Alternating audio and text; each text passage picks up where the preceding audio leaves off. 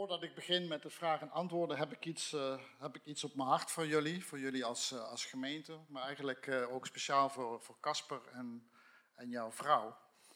Dus ik zou eigenlijk willen vragen of jullie hier naar voren willen komen.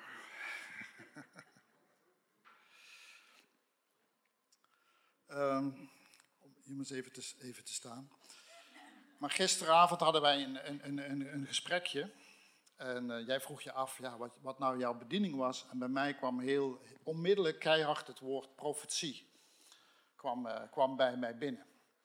En we hadden daar een beetje een gesprekje over. En vannacht had ik een, uh, ja, een, een, een, een, tijd met de Heer. En ging de Heer met mij spreken over jullie en over, over deze gemeente. En wat de Heer mij eigenlijk liet zien was het, was het volgende. En ja, het is voor mij heel krachtig, maar Kijk maar of dat klikt in je hart. Maar ik zag dat de Heer jullie twee heeft geroepen en apart gezet voor de bediening van profeet. Jullie zijn uh, van, van voor de geboorte af apart gezet voor de bediening, de profetische bediening in de vijfvoudige bediening. Daarvoor zijn jullie bij elkaar gebracht, ook als stel. En het beeld wat ik erbij kreeg was het beeld van, uh, zoals David op een gegeven moment uh, door Samuel van achter de schapen uh, uitgeroepen werd. Hij werd gezalfd tot koning en vervolgens het eerste wat hij deed was terug naar de schapen. Weer terug met waar hij bezig was. Het beeld wat ik kreeg was dat God geeft jullie een, de, de staf van de profeet, dat is de autoriteit van de profeet, krijgen jullie, hebben jullie gekregen. Er zullen tijden komen dat je alleen nog maar vooruit kan door op die staf van die profeet, die autoriteit die je gekregen hebt, te leunen. Het tweede wat hij me liet zien was dat jullie de mantel van de profeet krijgen. De mantel van de profeet is eh, twee dingen. Het is de identiteit, de erkenning die gezien zal worden voor wat, wat op jullie rust, en het is bescherming. Dus ook, ook bescherming van de, van, van de profeet. Dus dat waren twee dingen die de Heer me liet zien. En hij liet me ook zien van, en het is ook speciaal daarvoor, in voorbereiding, dat jullie hier bij deze groep mensen zijn. Dat jullie hier gesteld zijn. Dat betekent als jullie, um, voorlopig is het hoed de kudde die bij je is, voed de mensen die bij je zijn, ga daarmee door. Maar er gaat een moment komen dat de Heer je opeens naar voren haalt en naar het front brengt. Dan zul je tegenover een Goliath staan. Die zal je heel eenvoudig, vanwege de zalving die op jullie rust, zullen jullie die Goliath verslaan. Dat is het moment dat je op, in de erkenning komt voor, voor, voor jullie plaats, voor jullie, voor jullie bediening. Dat gaat vanzelf, daar hoef je niks voor te doen, dat moment komt. En tot die tijd is dit een speciale groep voor jullie. Omdat dat profetische op jullie rust, betekent dat ook dat het profetische ook op deze groep is. Dat betekent ook voor jullie dat, dat, dat eh, het, het profetische, het uitstrekken naar het profetische is ook voor jullie. Dat is, dat, daar is een hele sterke link tussen jullie en tussen deze mensen. En dat heeft hiermee te maken met profetische roeping, met de profetische zalving. En wat de Heer ook me ook liet zien was um, dat sommigen van jullie hebben echt in je hart um, dat verlangen of bijna een begeerte naar de gaven van de geest. Een begeerte om in de gaven van de geest te gaan, te gaan opereren en te gaan functioneren. Maar er zit een soort bedekking op van, ja, maar is dat niet trots? Is dat niet hoogmoedig? Wie denk ik wel dat ik ben uh, om, om zoiets te willen, om zoiets te verlangen? Vind ik mezelf nu niet belangrijker als andere mensen? Dat soort negatieve deksels. En de Heer zegt, die begeerte, dat verlangen is niet van je vlees, dat is van mij. Het is mijn begeerte in jou, mijn verlangen in jou om je uit te strekken naar functioneren in de gaven van de geest. En uh, schaam je daar niet voor, strek je daar naar uit. Maak je niet bezorgd om trots of hoogmoedigheid, want er zit namelijk altijd een prijs bij. Er zit een prijs bij het uh, functioneren in de gaven van de geest. Die prijs zal je ook bereid moeten zijn om te betalen. Jullie weten dat, jullie kennen dat, jullie zijn al enigszins geoefend in het betalen van die prijs. Je weet wat het is. Dat hoort, dat hoort ook bij dat proces. Dus wees niet bang om je uit te strekken wees niet bang om stoutmoedig ernaar te verlangen, ervoor te gaan en te geloven dat dat je bestemming is en dat dat je doel is. Dit was wat ik vannacht voor jullie had. Nog een nacht. ik blijf nog een nacht. Halleluja. Dus, uh, um, wat ik ook daarbij had was uh, dat deze mensen hebben ook mensen nodig. En er zullen mensen onder jullie zijn die hun toegewijd zijn. Die in hun hart krijgen, wij willen jullie dienen. Want jullie zullen mensen nodig hebben die jullie dienen. En tot de mensen die dat in hun hart hebben, zeg ik, je dient niet hun, je dient God. Door hun te dienen, dien je God. God heeft hen geroepen en apart gezet voor een taak in het lichaam van Christus.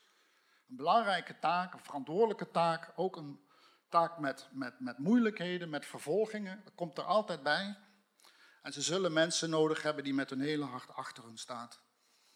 En de uitdaging is aan jou om je hart te onderzoeken of jij degene bent die dat, die dat is. Of jij degene bent die dat bereid is. En denk nooit dat je mensen dient, je dient God. Door elkaar te dienen in wat voor bediening, wat voor functie ook, je dient God. De mensen die het geluid bedienen, bedienen niet de muzikanten, ze dienen God. Ze helpen de gemeente om in de lofprijs en aanbidding te staan. De mensen die in de keuken opruimen, de mensen die de kinderen eh, verzorgen, de eh, mensen die zich bekomen, je dient God. Je dient geen mensen. Dat had ik ook nog eventjes. De Heer.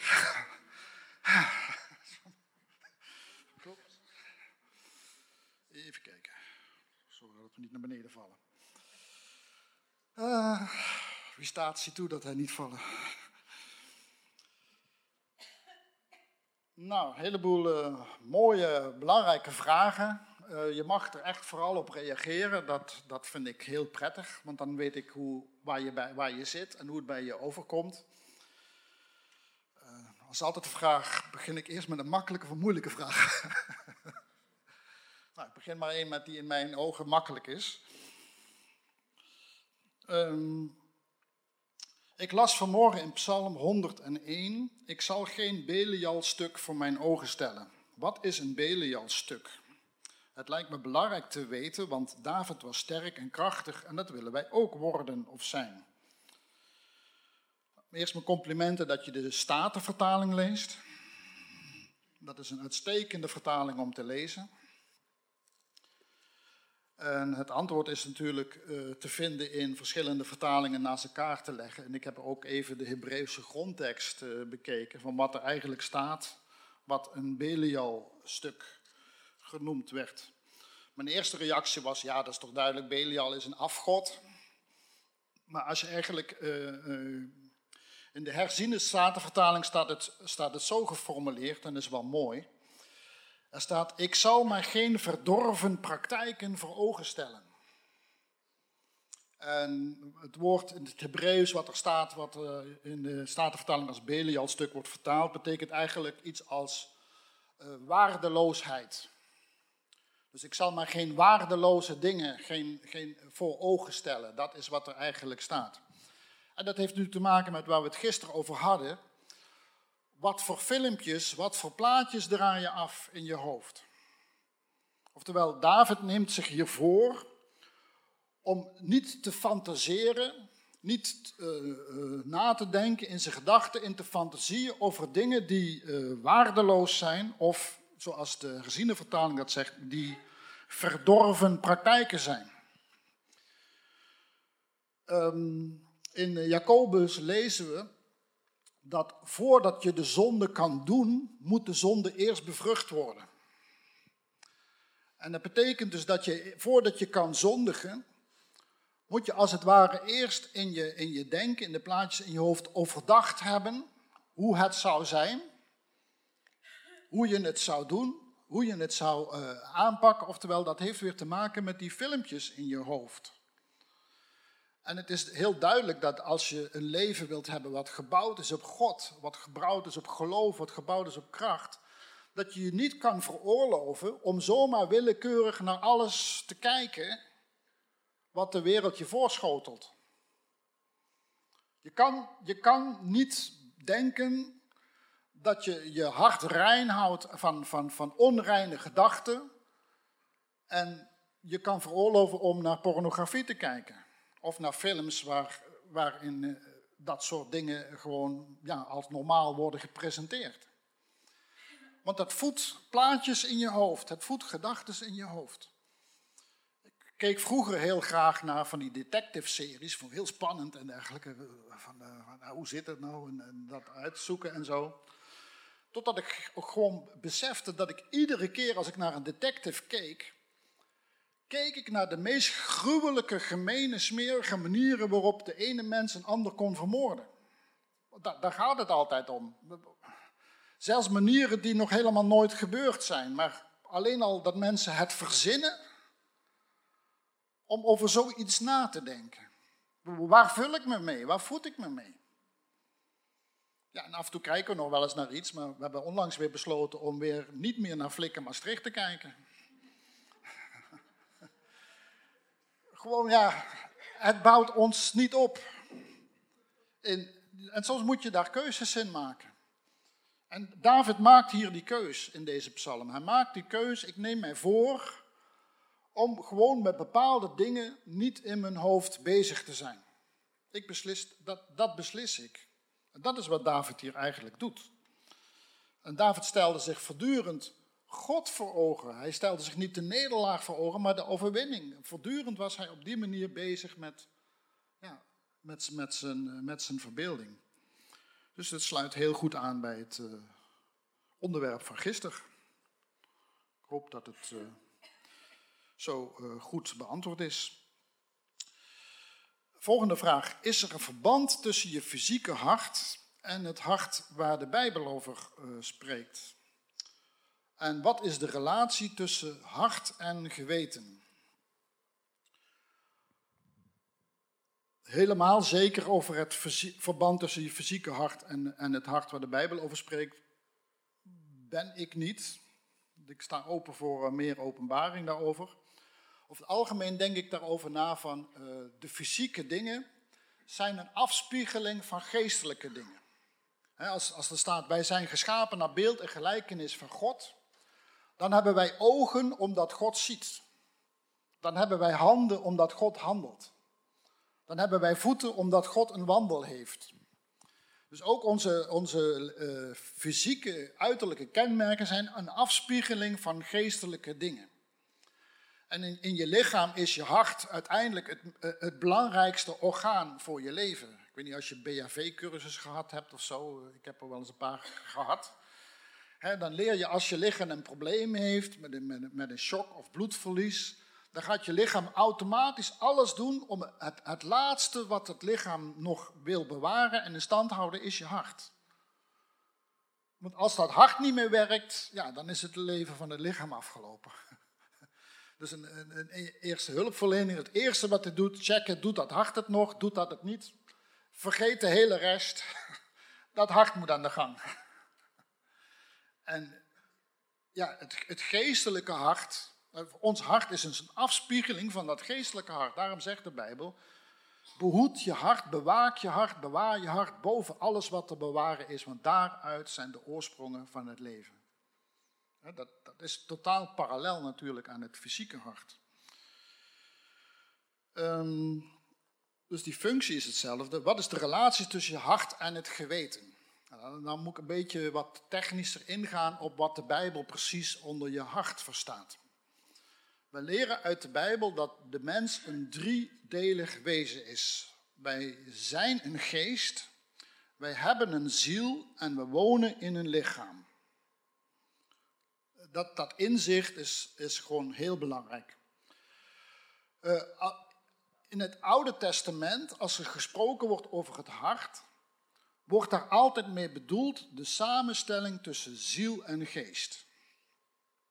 Dus alles wat niet fysiek tastbaar is, dat wordt bedoeld met het hart. Uh, ik kan het vergelijken met, je hebt een computer, dat heb je zo'n van alles wat je aan kan raken, dat is de hardware en die doet helemaal niks zonder software.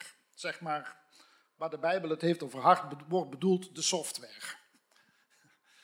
En uh, uh, niet de hardware. Dus uh, daarom heeft Jacobus het ook over dat je geen dubbel hart moet hebben. Wat is een dubbel hart? Een dubbel hart is dat je in je geest de ene kant opdenkt, maar in je ziel de andere kant opdenkt.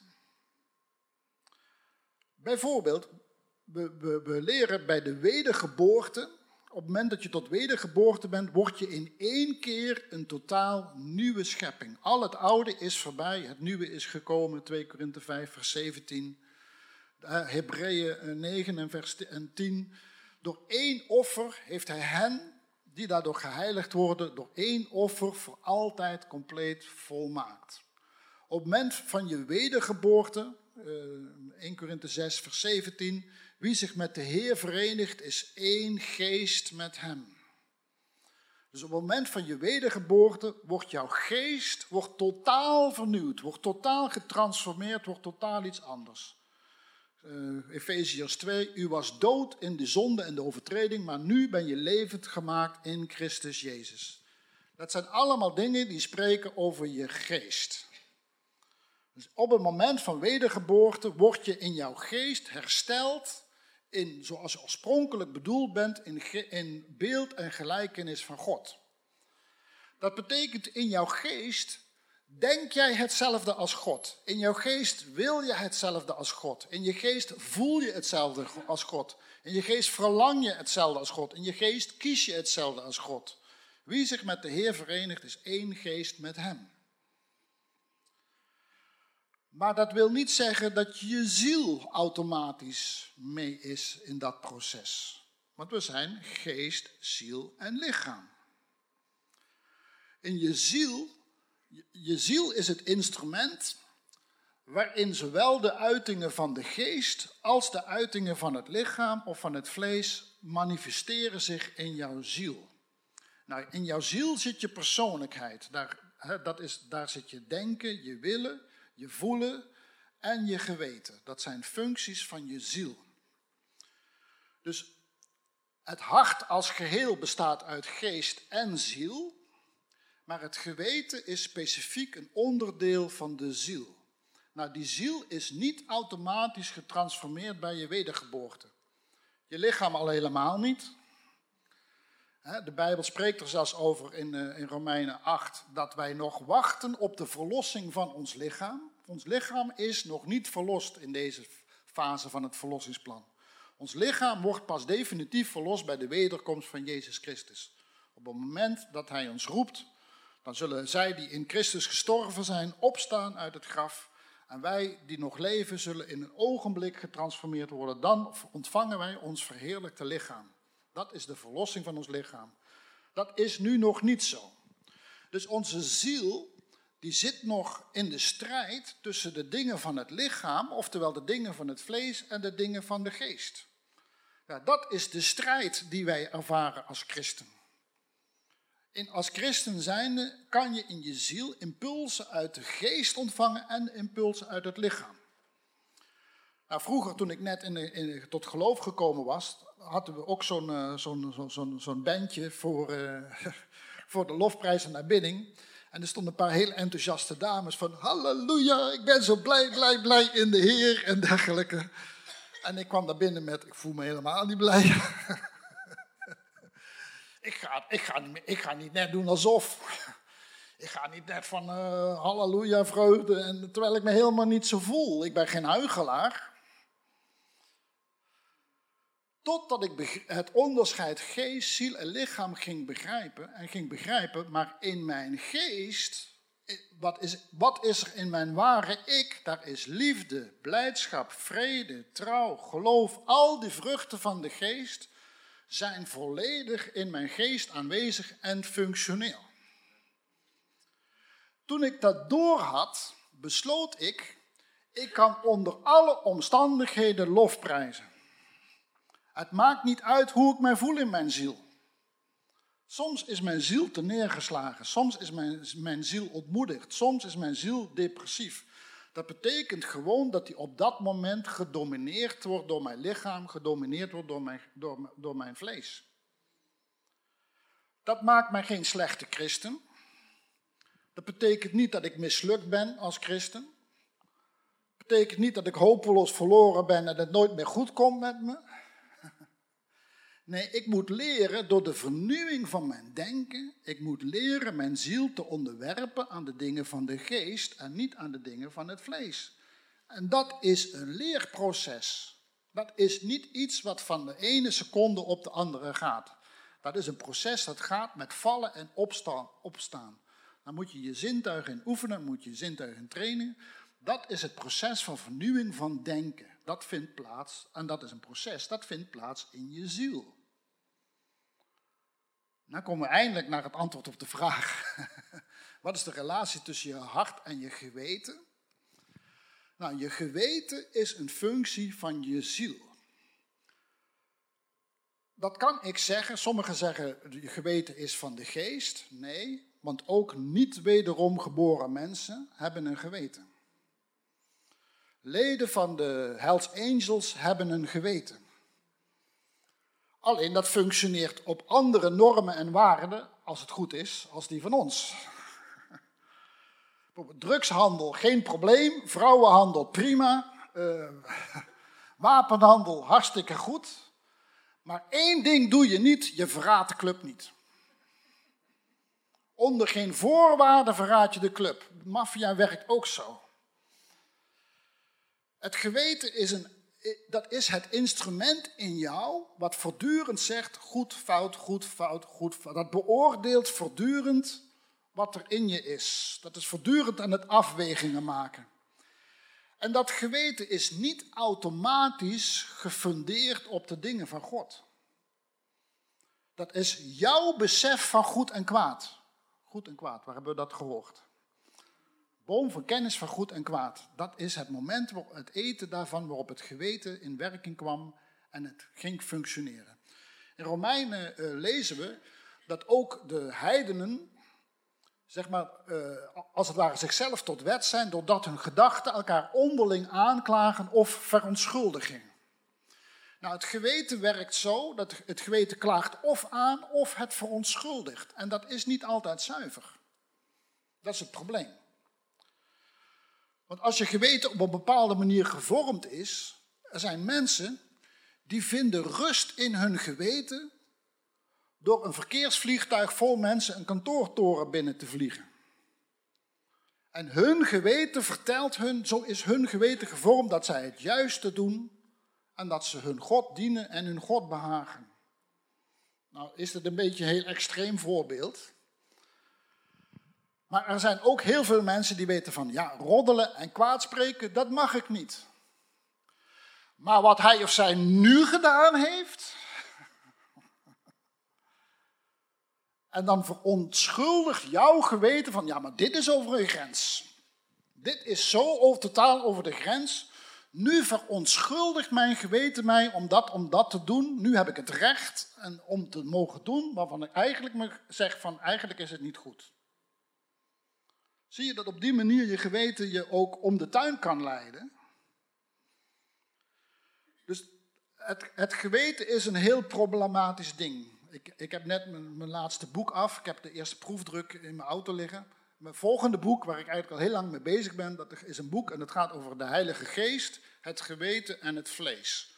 Om die drie dingen uit elkaar, uh, uit elkaar te halen.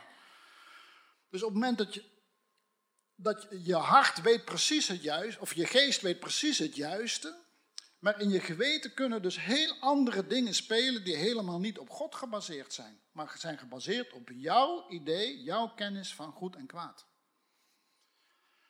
Er zijn dus christenen die zich verschrikkelijk ellendig en, en, en, en zondig voelen op het moment dat ze op zondag niet naar de kerk geweest zijn. Waarom? Er staat nergens in de Bijbel dat jij op zondag naar de kerk moet. Dat staat gewoon helemaal nergens. Nou is het ontzettend goed om op zondag samen te komen. Het is de meest praktische dag die er is. en je hebt het nodig om samen te komen, absoluut. Maar er is geen enkel voorschrift dat dat op zondag moet. Als we de eerste gemeente lezen, dan lezen we dat ze iedere dag samenkwamen. Dus, maar zij zijn opgevoed met een besef van goed en kwaad, van dat hoort en als je dat niet doet, ben je een slechte christen. Dus hun geweten kan ze aanklagen op iets wat helemaal niet op het woord van God gebaseerd is. En dan kan je dus in gewetensnood komen om de verkeerde dingen. Soms zegt je geweten tegen je, en helemaal terecht, dat was niet goed, broeder of zuster. Dat had je niet moeten doen. Je hebt iemand beschadigd of gelogen of weet ik veel wat allemaal. En dan klaagt je geweten je terecht aan. Dus hoe je met je geweten om moet gaan is een hele moeilijke zaak. Ik besteed daar bijna een hele dag aan in mijn programma School voor Genezing. Hoe, hoe het geweten werkt en hoe je daarmee om moet gaan. Maar heel, heel simpel gezegd is het. Als je geweten je aanklaagt, onderzoek eerst of de aanklacht terecht is of de aanklacht gebaseerd is op het woord van God. Op iets van wat God zegt of wat je zelf erover denkt. Verheerlijk God, dat betekent Gods mening, Gods visie staat boven alle dingen. En dat werkt in het ontvangen van God. Dat kunnen we zien in 1 Johannes, dacht hoofdstuk 3. Daar staat dat hele proces in uh, uitgewerkt.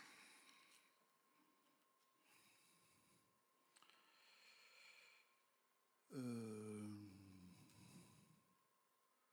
even kijken.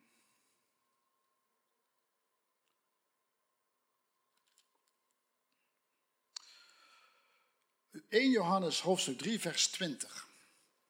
Er staat, want als ons hart ons veroordeelt God is meer dan ons hart en Hij weet alle dingen. Geliefden, als ons hart ons niet veroordeelt, hebben wij vrijmoedigheid om tot God te gaan. En wat wij ook maar bidden, ontvangen wij van Hem, omdat wij zijn geboden in acht nemen en doen wat Hem welgevallig is. Dus hier zie je dat hele probleem tussen, tussen in je ziel, in het ontvangen van God, aan de hand van het functioneren van jouw geweten. Jouw geweten klaagt je aan. Jouw geweten zegt tegen je, dit was niet goed, dit was fout. Wat moet je doen? Het eerste wat je moet doen is check op basis van het woord van God, is het terecht of is het niet terecht? Je kan een geweten hebben dat door cultuur, cultuur door opvoeding, weet je, geweten wordt aangebracht. Als, als een kind geboren wordt, heeft geen flauw benul van goed en kwaad, geeft geen enkel besef over wat wel en niet kan of mag dat moet je aanbrengen. Als je geen geweten aanbrengt bij je kind, krijg je een gewetenloze mensen.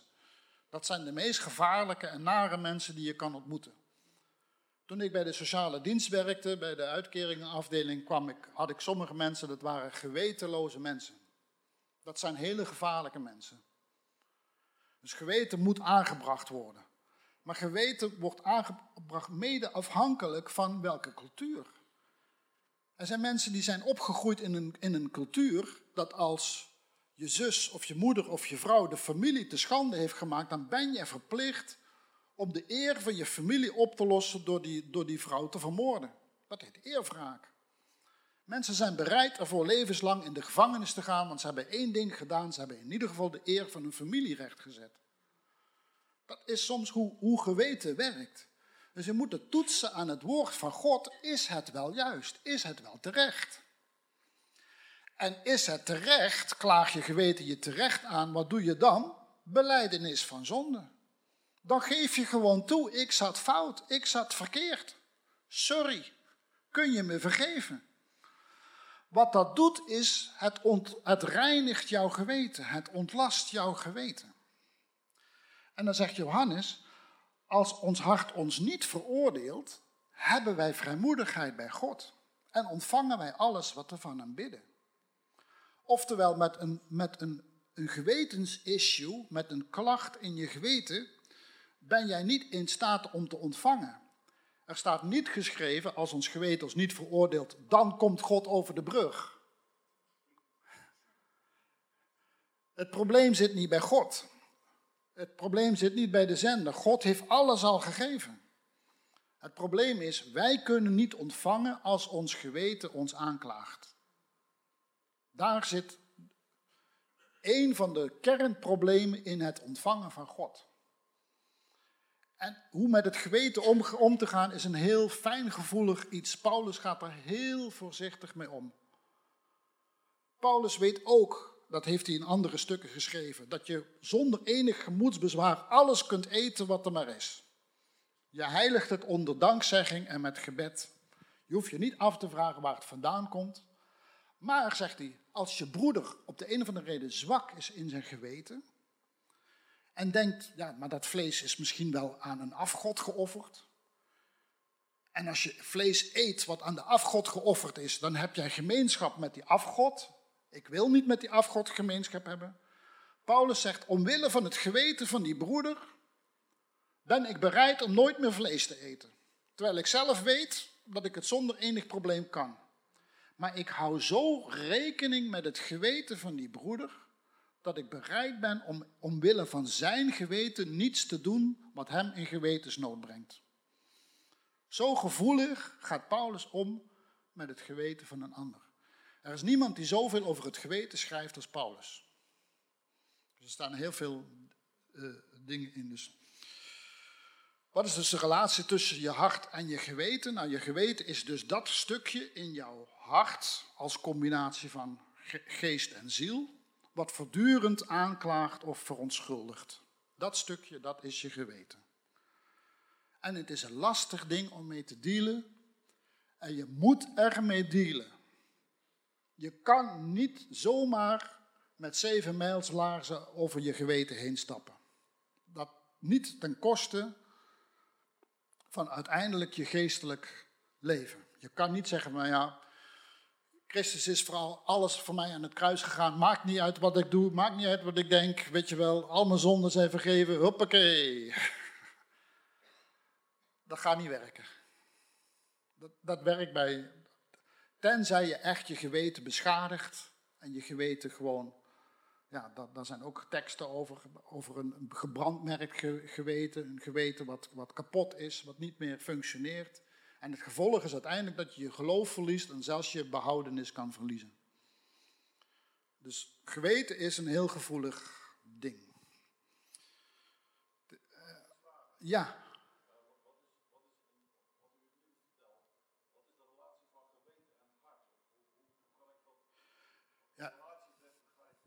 Nou, je hart bestaat dus, hè, de, de definitie van uit de samenstelling van je, je geest en je ziel. Ik heb gehoop, geprobeerd het onderscheid tussen die twee aan te geven. En het geweten is een onderdeel van die ziel.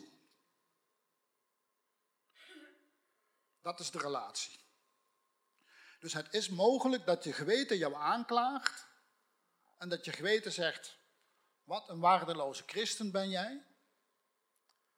Terwijl in je geest is perfect in overeenstemming met God. Dat is waarom bij Johannes staat, als ons hart ons veroordeelt, God is meer dan ons hart en hij weet alle dingen.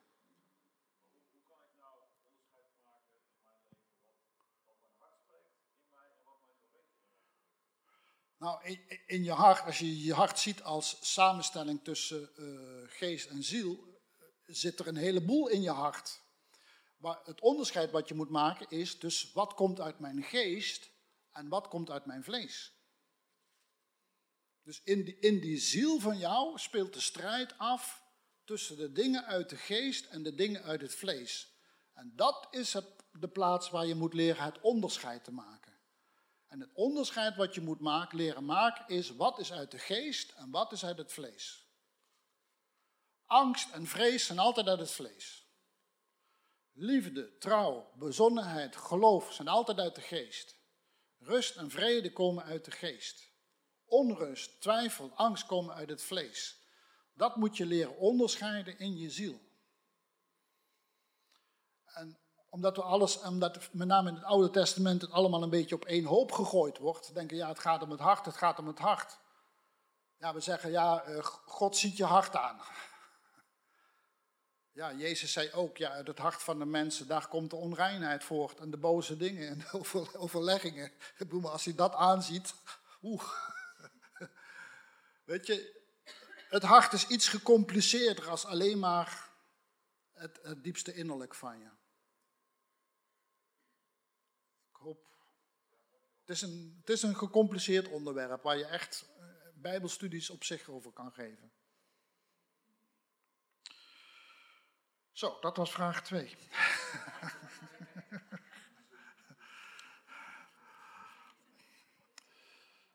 Ehm, in de psychologie graaft men vooral in het verleden, ten behoeve van de verwerking. In hoeverre is dit nodig en is er een andere christelijke benadering? Ja, het probleem is uh, dat de wereld altijd verklaart hoe je bent uit je omstandigheden en wat je hebt meegemaakt. En dat is de basis waarop psychologie werkt. Jij bent zo, dan moet je zo zijn, omdat in het verleden er omstandigheden, dingen zijn gebeurd die jou zo gemaakt hebben. Dus psychologie weet eigenlijk niks anders te doen als daarna zoeken. Ze zoeken naar, oh, daarom ben je zoals je bent. En men denkt in de wereld, als ik begrijp hoe het gekomen is, dan kan ik het oplossen. En dat is niet zoals de Bijbel over dingen, dingen denkt. De kern hoe de Bijbel dingen op, oplost is: vestig je identiteit in wie je bent in Christus. Waar je op focust, waar je ogen op gericht zijn, daarin verander je. Je verandert in dat waar je voortdurend naar kijkt. Als je ogen voortdurend op Jezus gericht zijn, en je ogen voortdurend je focus op Hem gericht is, dan zegt de Bijbel, dan veranderen wij, kijken wij als in een spiegel en wij veranderen van heerlijkheid tot heerlijkheid door het werk van zijn Heilige Geest. Als je voortdurend aan het kijken bent naar je problemen, kan ik je garanderen dat ze alleen maar steeds groter worden. Dat waar je aandacht op gericht is, wordt groter. Dat wil niet zeggen dat je het onder alle omstandigheden moet negeren en nadoen alsof het er niet is. Dat is gewoon weer, weer een brug te ver. Het gaat niet om het ontkennen van problemen. Het gaat om waar is de focus, waar is het grootste deel van de aandacht op gericht op de oplossing en niet per se op het probleem. Dus er kan, het kan voorkomen dat er in jouw ziel een dermate traumatische eh, ervaring zit en een traumatische gebeurtenis, dat erkenning van die gebeurtenis en, en als het ware ja, acceptatie van, van dat wat er is noodzakelijk is. Uh, mensen met heel traumatische dingen uit het verleden hebben vaak uh, dat ze die herinneringen worden, worden weggestopt. Uh, men wil er niet aan denken, wil er niet meer geconfronteerd worden, maar het wordt niet opgelost, het, het, het, probleem. Dus soms gebeurt het zelfs dat ze hele gedeeltes van hun geheugensysteem afsluiten. En daardoor moeite hebben met leren en dingen onthouden en dingen niet kunnen leren. Want die toegang tot, als het ware, die vakjes van het geheugen, dat is te gevaarlijk, dat is, dat is uh, te eng. Dus het heeft soms nut om daarnaar te kijken en daarnaar uh, ja, dat een, een, een plaats te geven. En daarbij zijn processen als vergeving, zijn hele noodzakelijke processen om los te komen van die, van die trauma's, om zo ver te kunnen komen dat je kan vergeven. Maar soms is daar ook erkenning voor nodig. Gewoon erkenning, wat met mij gedaan is, wat met me gebeurd is, was gewoon fout. Dat was verkeerd. Daar kan je niet altijd overheen stappen. En soms hebben mensen dat gewoon nodig. Uiteindelijk hoef je je daardoor niet te laten bepalen. Je hoeft je niet te laten bepalen door de gebeurtenissen uit het verleden. Je kan, hè, Joyce Meyer is een geweldig voorbeeld van een vrouw met een verschrikkelijke jeugd en een verschrikkelijk leven. Seksueel misbruikt door haar eigen vader met uh, medeweten van de moeder. Nou, ga er maar even aan staan. En is een vrouw die zich daar doorheen gewerkt heeft en zich niet laat bepalen, ook haar houding tegenover haar vader en haar moeder niet laat bepalen door wat er in het verleden met haar gebeurd is. Nou, dat is niet van de ene dag op de andere gekomen. Dat heeft, dat heeft wel degelijk een, een hoop eh, verwerking en erkenning gekost en op een gegeven moment keuzes. En op een gegeven moment om je wie je bent niet af te laten hangen van wat andere mensen in het verleden aan jou gedaan hebben. Laat wie jij bent, wie jij wezenlijk bent en je toekomst afhangen wat Hij voor jou aan het kruis gedaan heeft. Op een gegeven moment moet je daar een keus in maken en een besluit over nemen. Nee, dat is bepalend voor wie ik ben. Dat is bepalend voor wie mijn toekomst. Ervaringen uit het verleden zijn geen garantie van mijn toekomst. Alleen wat hij gedaan heeft, is de garantie van de toekomst. Nou, daar, moet je af en toe wel eens een balans in vinden, of een evenwicht in vinden. Dus ik zeg niet dat het altijd verkeerd is en daar geen plaats voor is. Maar pas op dat je het mechanische van de wereld van dat en dat is gebeurd, dus daarom ben jij nu en nu. Nee, dat is. Er zijn soms kinderen uit, uit dezelfde familie, vader en moeder alcohol of de drugs. En het ene kind maakt totaal andere keuzes in zijn leven als het andere kind. Er zijn ook kinderen uit hele goede families, waarvan je denkt, ideaal plaatje, klein huis op de prairie gezin. en het ene kind gaat voorkomen de fouten in en het andere niet. Dat, daar spelen andere dingen een rol. Nou, andere vragen hebben daar allemaal wel een beetje mee te maken slechte omstandigheden die, die oorden bronnen van zegen worden. Dus daar kan je kracht uit putten. Kun je daar iets meer over vertellen?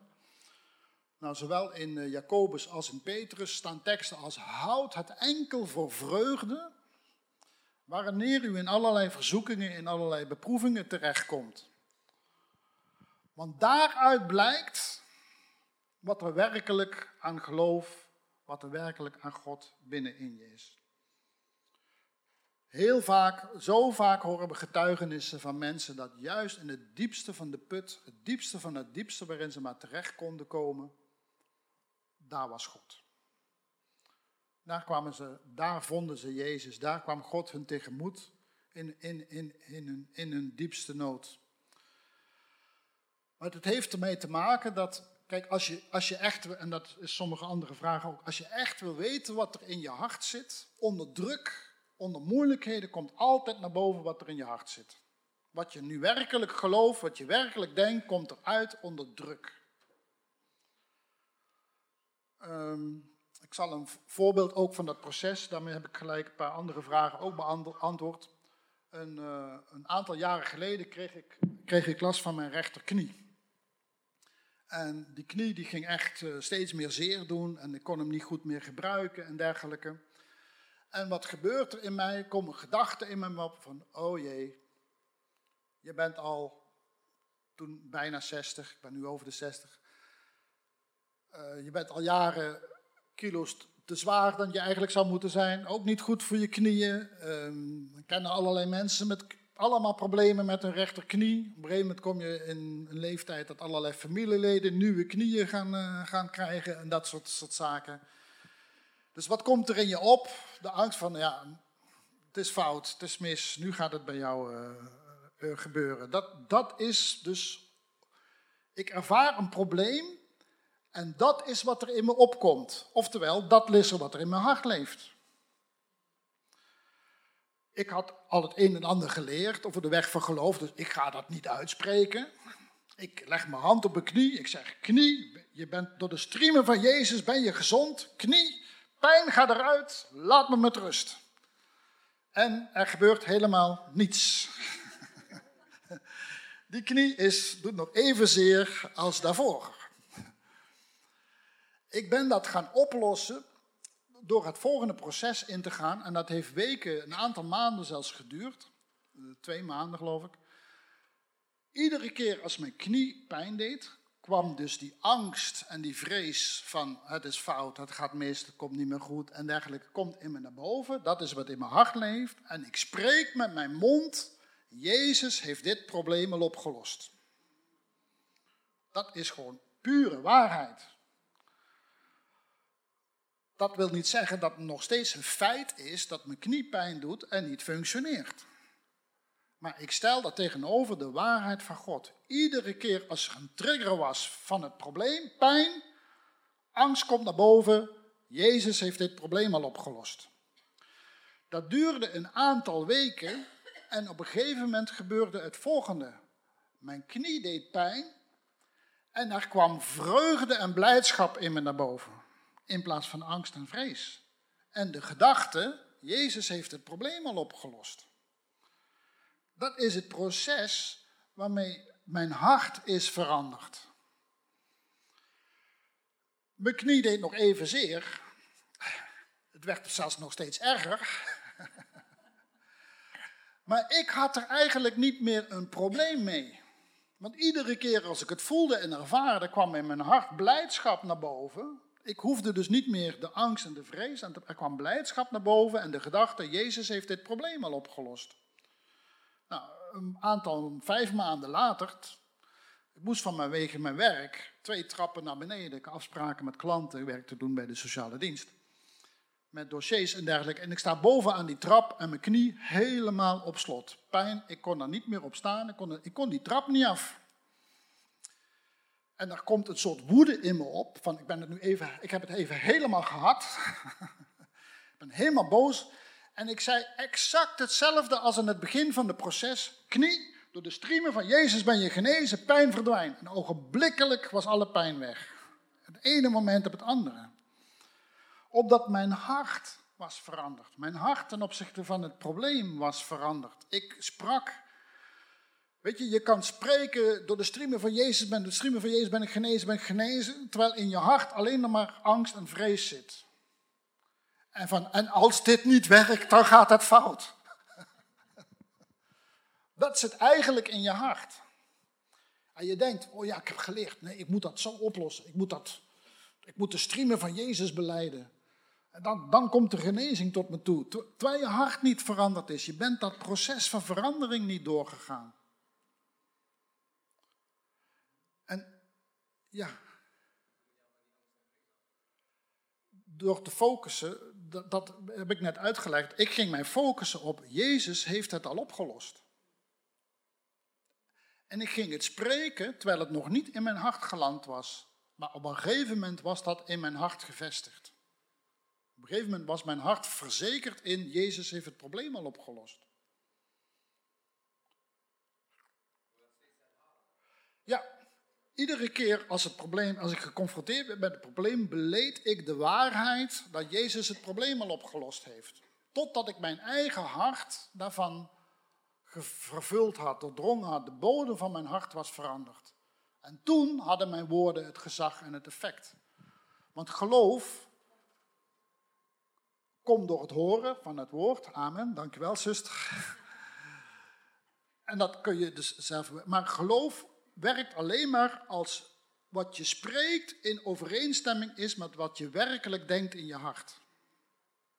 Dus het, het, het, het spreken moet in overeenstemming zijn met je hart. En dat is niet zomaar een, of, of in je ziel eigenlijk, goed gezegd. Dat is niet zomaar van het ene moment op de andere gerealiseerd. En in dit geval van mijn knie duurde dat vijf maanden. Uh, er zijn andere dingen die zijn bijna ogenblikkelijk. En er zijn bepaalde andere dingen, waar ik nog steeds over aan het spreken. Dat is nog niet gemanifesteerd. ja.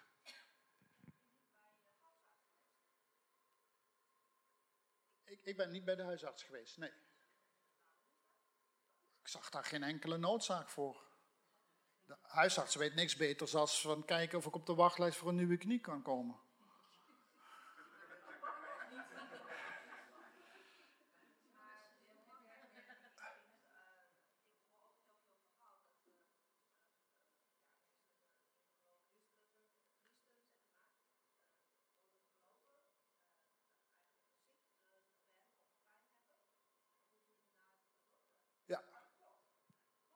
Nee, dat klopt niet helemaal. Het hangt er namelijk van af hoe ver jij bent. Of, of, of het geloof. Ik ben dus absoluut niet tegen artsen. Ik ben ook niet tegen het bezoek van. Ik ben ook niet tegen het gebruik van medicijnen en van het gebruik van medische hulpmiddelen. Ik heb een mooi voorbeeld van uh, iemand uit Latijns-Amerika die was ook met dit proces bezig en hij was dan met zijn ogen ook bezig. Hij, hij droeg een bril en hij dacht, dat moet helemaal niet. En door de streamen van Jezus ben ik genezen, ik heb geen bril nodig. En hij sprak erover en er kwam maar geen verandering in en het kwam maar niet tot stand. Op een gegeven moment was hij zo boos erop en zo gefrustreerd. Hij pakt zijn bril af, gooit zijn bril op de grond en stampt zijn bril in gruzelementen. En op dat moment kon hij perfect zien. En hij denkt, oh, zo werkt dat dus. Dus die man ging in Latijns-Amerika en hij had stadions vol, ging die samenkomsten houden om mensen van hun bril af te helpen. Waarin hij dat verhaal vertelde en het hele stadion ertoe opriep om een bril af te gooien, op de grond te, uh, te gooien en kapot te stampen. En verhip, er waren altijd een paar mensen die perfect een oogzicht ontvangen. Maar de meesten moesten een nieuw brilletje kopen.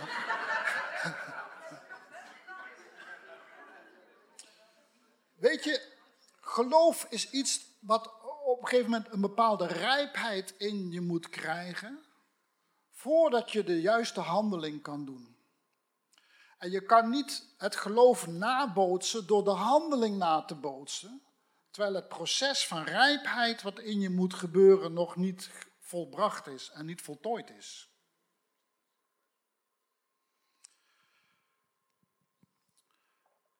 En je, je, je kan alle hulp van medici die je kan gebruiken, mag je gewoon gebruiken. Als je maar uiteindelijk beseft, er is geen arts die kan genezen. Genezing is onder alle omstandigheden, dat is een van de fundamenten voor, voor mijn school voor genezing, om te gaan begrijpen. Genezing is van alle omstandigheden het werk van de Heilige Geest in jouw lichaam. Of je nu tussen aanhalingstekens gelovig bent of niet. De Bijbel leert ons, het is de geest die levend maakt. Het vlees doet geen nut. Dus als ik een sneetje in mijn vinger heb en ik doe er een pleister over op om hem te beschermen tegen vuil en dergelijke, dan begint het leven wat in die cellen zit, zet die cellen ertoe aan om te gaan vermenigvuldigen, om zelfs te veranderen in andere soorten cellen totdat het dicht gegroeid is. En dan stopt dat proces ook alweer zelfs. Het gaat niet, hè, op het moment dat dat niet meer stopt, dan heb je een ander probleem, dat heet kanker. Allerlei dingen die, die fout kunnen gaan, maar genezing is altijd het werk van de Heilige Geest in iemands lichaam. Of iemand nu naar de kerk gaat of niet, of dat hij kerkelijk gelovig is of niet. Maar goed, daar zitten waarschijnlijk weer heel veel vraagstukken. Maar op het moment dat jij nog niet zo ver bent, ga naar de dokter. Ik had dus, toen bij de Bijbelschool begonnen eh, in, in, eh, in Huizen, de Bijbelschool Caris Bible College, ik ben een van de medeoprichters daarvan in, in Naarden. Was een vrouw van een van de oudsten daar, die was op wintersport en die had er enkel verbrijzeld. Dus die kwam ook met het vraagstuk van, ja, ik loop nu met krukken, moet ik dat blijven doen of moet ik mijn krukken weggooien? Zeg, nou, dat kan ik dus niet besluiten voor jou. Jij weet wanneer jij in je hart zo ver bent om dat te doen. En dat kan je niet aan een ander opleggen, dat kan je niet voor een ander beslissen. Je kan iemand alleen maar aanmoedigen, maar je moet ook wijsheid betrachten dat dat proces soms gewoon nog niet zo ver is krijg je gelijk natuurlijk de volgende vraag.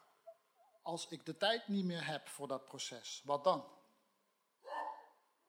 Nou, daarvoor hebben we mensen met een genezingsbediening in het lichaam van Christus. Die je kunnen helpen om op hun geloof je wonder te ontvangen.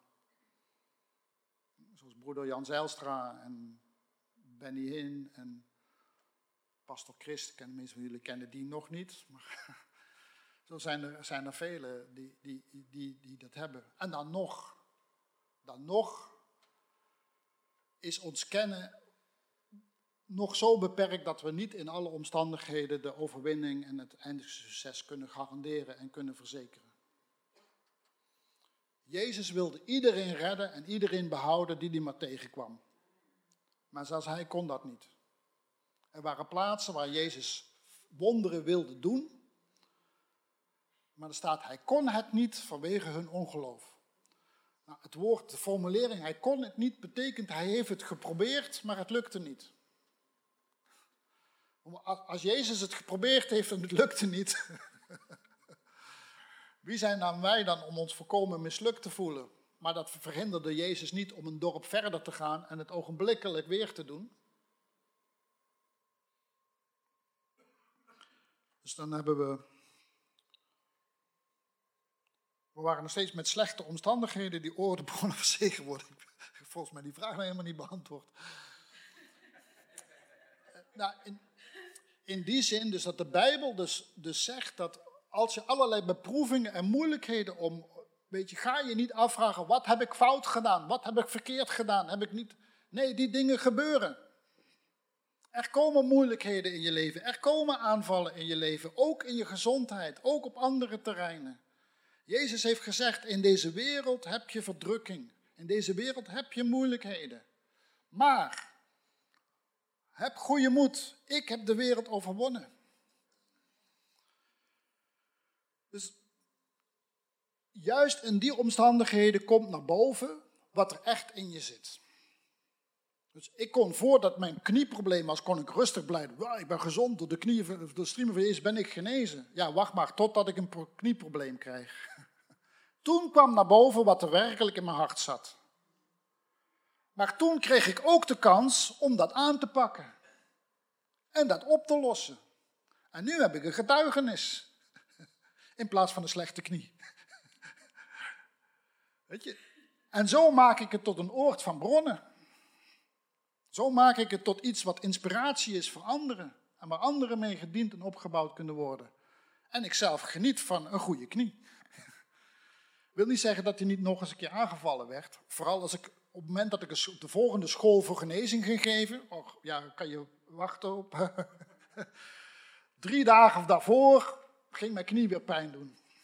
Ik allemaal ja, mooie leraar ben jij, school voor genezing gaan geven. Mensen leren ze dat moeten doen. Je kan je eigen knie niet eens. Uh. En ik denk van, nou mooi, ik heb een oefenobject voor mijn studenten. Alleen, ja, in de school beginnen we de derde dag met, met voor elkaar bidden. En mijn probleem was, dinsdag was mijn, de eerste, tweede dag was mijn knie alweer gezond. Dus ik moest weer wat anders zoeken. Als oefenproject. Eh, een jaar later kreeg ik een ander probleem in mijn hele rug en mijn hele been deed zeer, tot en met mijn voeten en zo. Alles deed zeer aan dit been, behalve die knie. ja, die had wat, die had wat geleerd, weet je. maar goed. Maar zo maak je het dus tot een oord van bronnen. Raak niet in paniek, raak niet in de twijfel van het gaat fout, het gaat mis, terwijl alles tegen de stormen waaien, de boot loopt vol water en God ligt nog te slapen ook. Doe eens wat, God. We vergaan. Nou, en dan komt nou, Jezus van, en waar was jullie geloof? Zo is jongens, dat was een uitstekende kans voor jullie geweest. Maar ja, dezezelfde jongens heeft hij wel tot hoofd van de kerk gemaakt. Hè? Dus moet ons, moet ons toch bemoedigen. dus ja, slechte omstandigheden. Ja. Oké. Okay. Zal ik maar een vraag zoeken voor een kort antwoord? Ja. Nou, heel gemakkelijk. Hoe herken je, uit je of je leeft uit je eigen kracht of uit God? Nou, dat is heel makkelijk. Als je er moe van wordt en het lukt niet, leef je uit je eigen kracht. En zo niet, dan leef je uit God. Ja.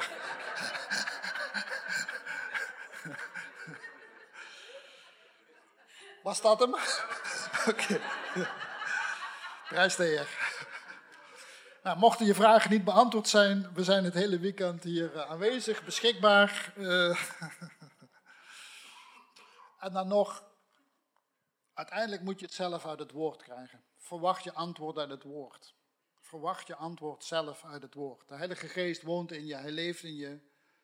Het maakt niet uit wat Jan Vossen ervan vindt. Het maakt niet uit wat, uh, wat Kasper ervan vindt. Of wat, wie, het gaat erom dat het woord aan jou geopenbaard wordt. Ik heb de grootste openbaringen gehad uit de grootste vraagstukken. Die dingen die me dwars zaten, die me irriteerden, die ik niet snapte, niet wist, hoe kan dit nou, hoe zit het nou? Soms duurde het twee jaar, soms duurde het drie jaar. Maar er kwam een moment, daar kreeg ik het antwoord. Of van binnenuit, of door een prediking of een uitleg van een ander. Verwacht het van Hem. Hij woont in je, Hij leeft in je. Het woord is vlees geworden. Het is gekomen om in jou te wonen, in jou te zijn. De Heilige Geest woont in je. Hij zal alles aan je openbaren. Hij zal alles aan je duidelijk maken. Of van binnenuit, of via een ander. Maakt niet uit. Je zal volledig tevreden gesteld worden in al je vragen. In Jezus' naam. Amen. Halleluja.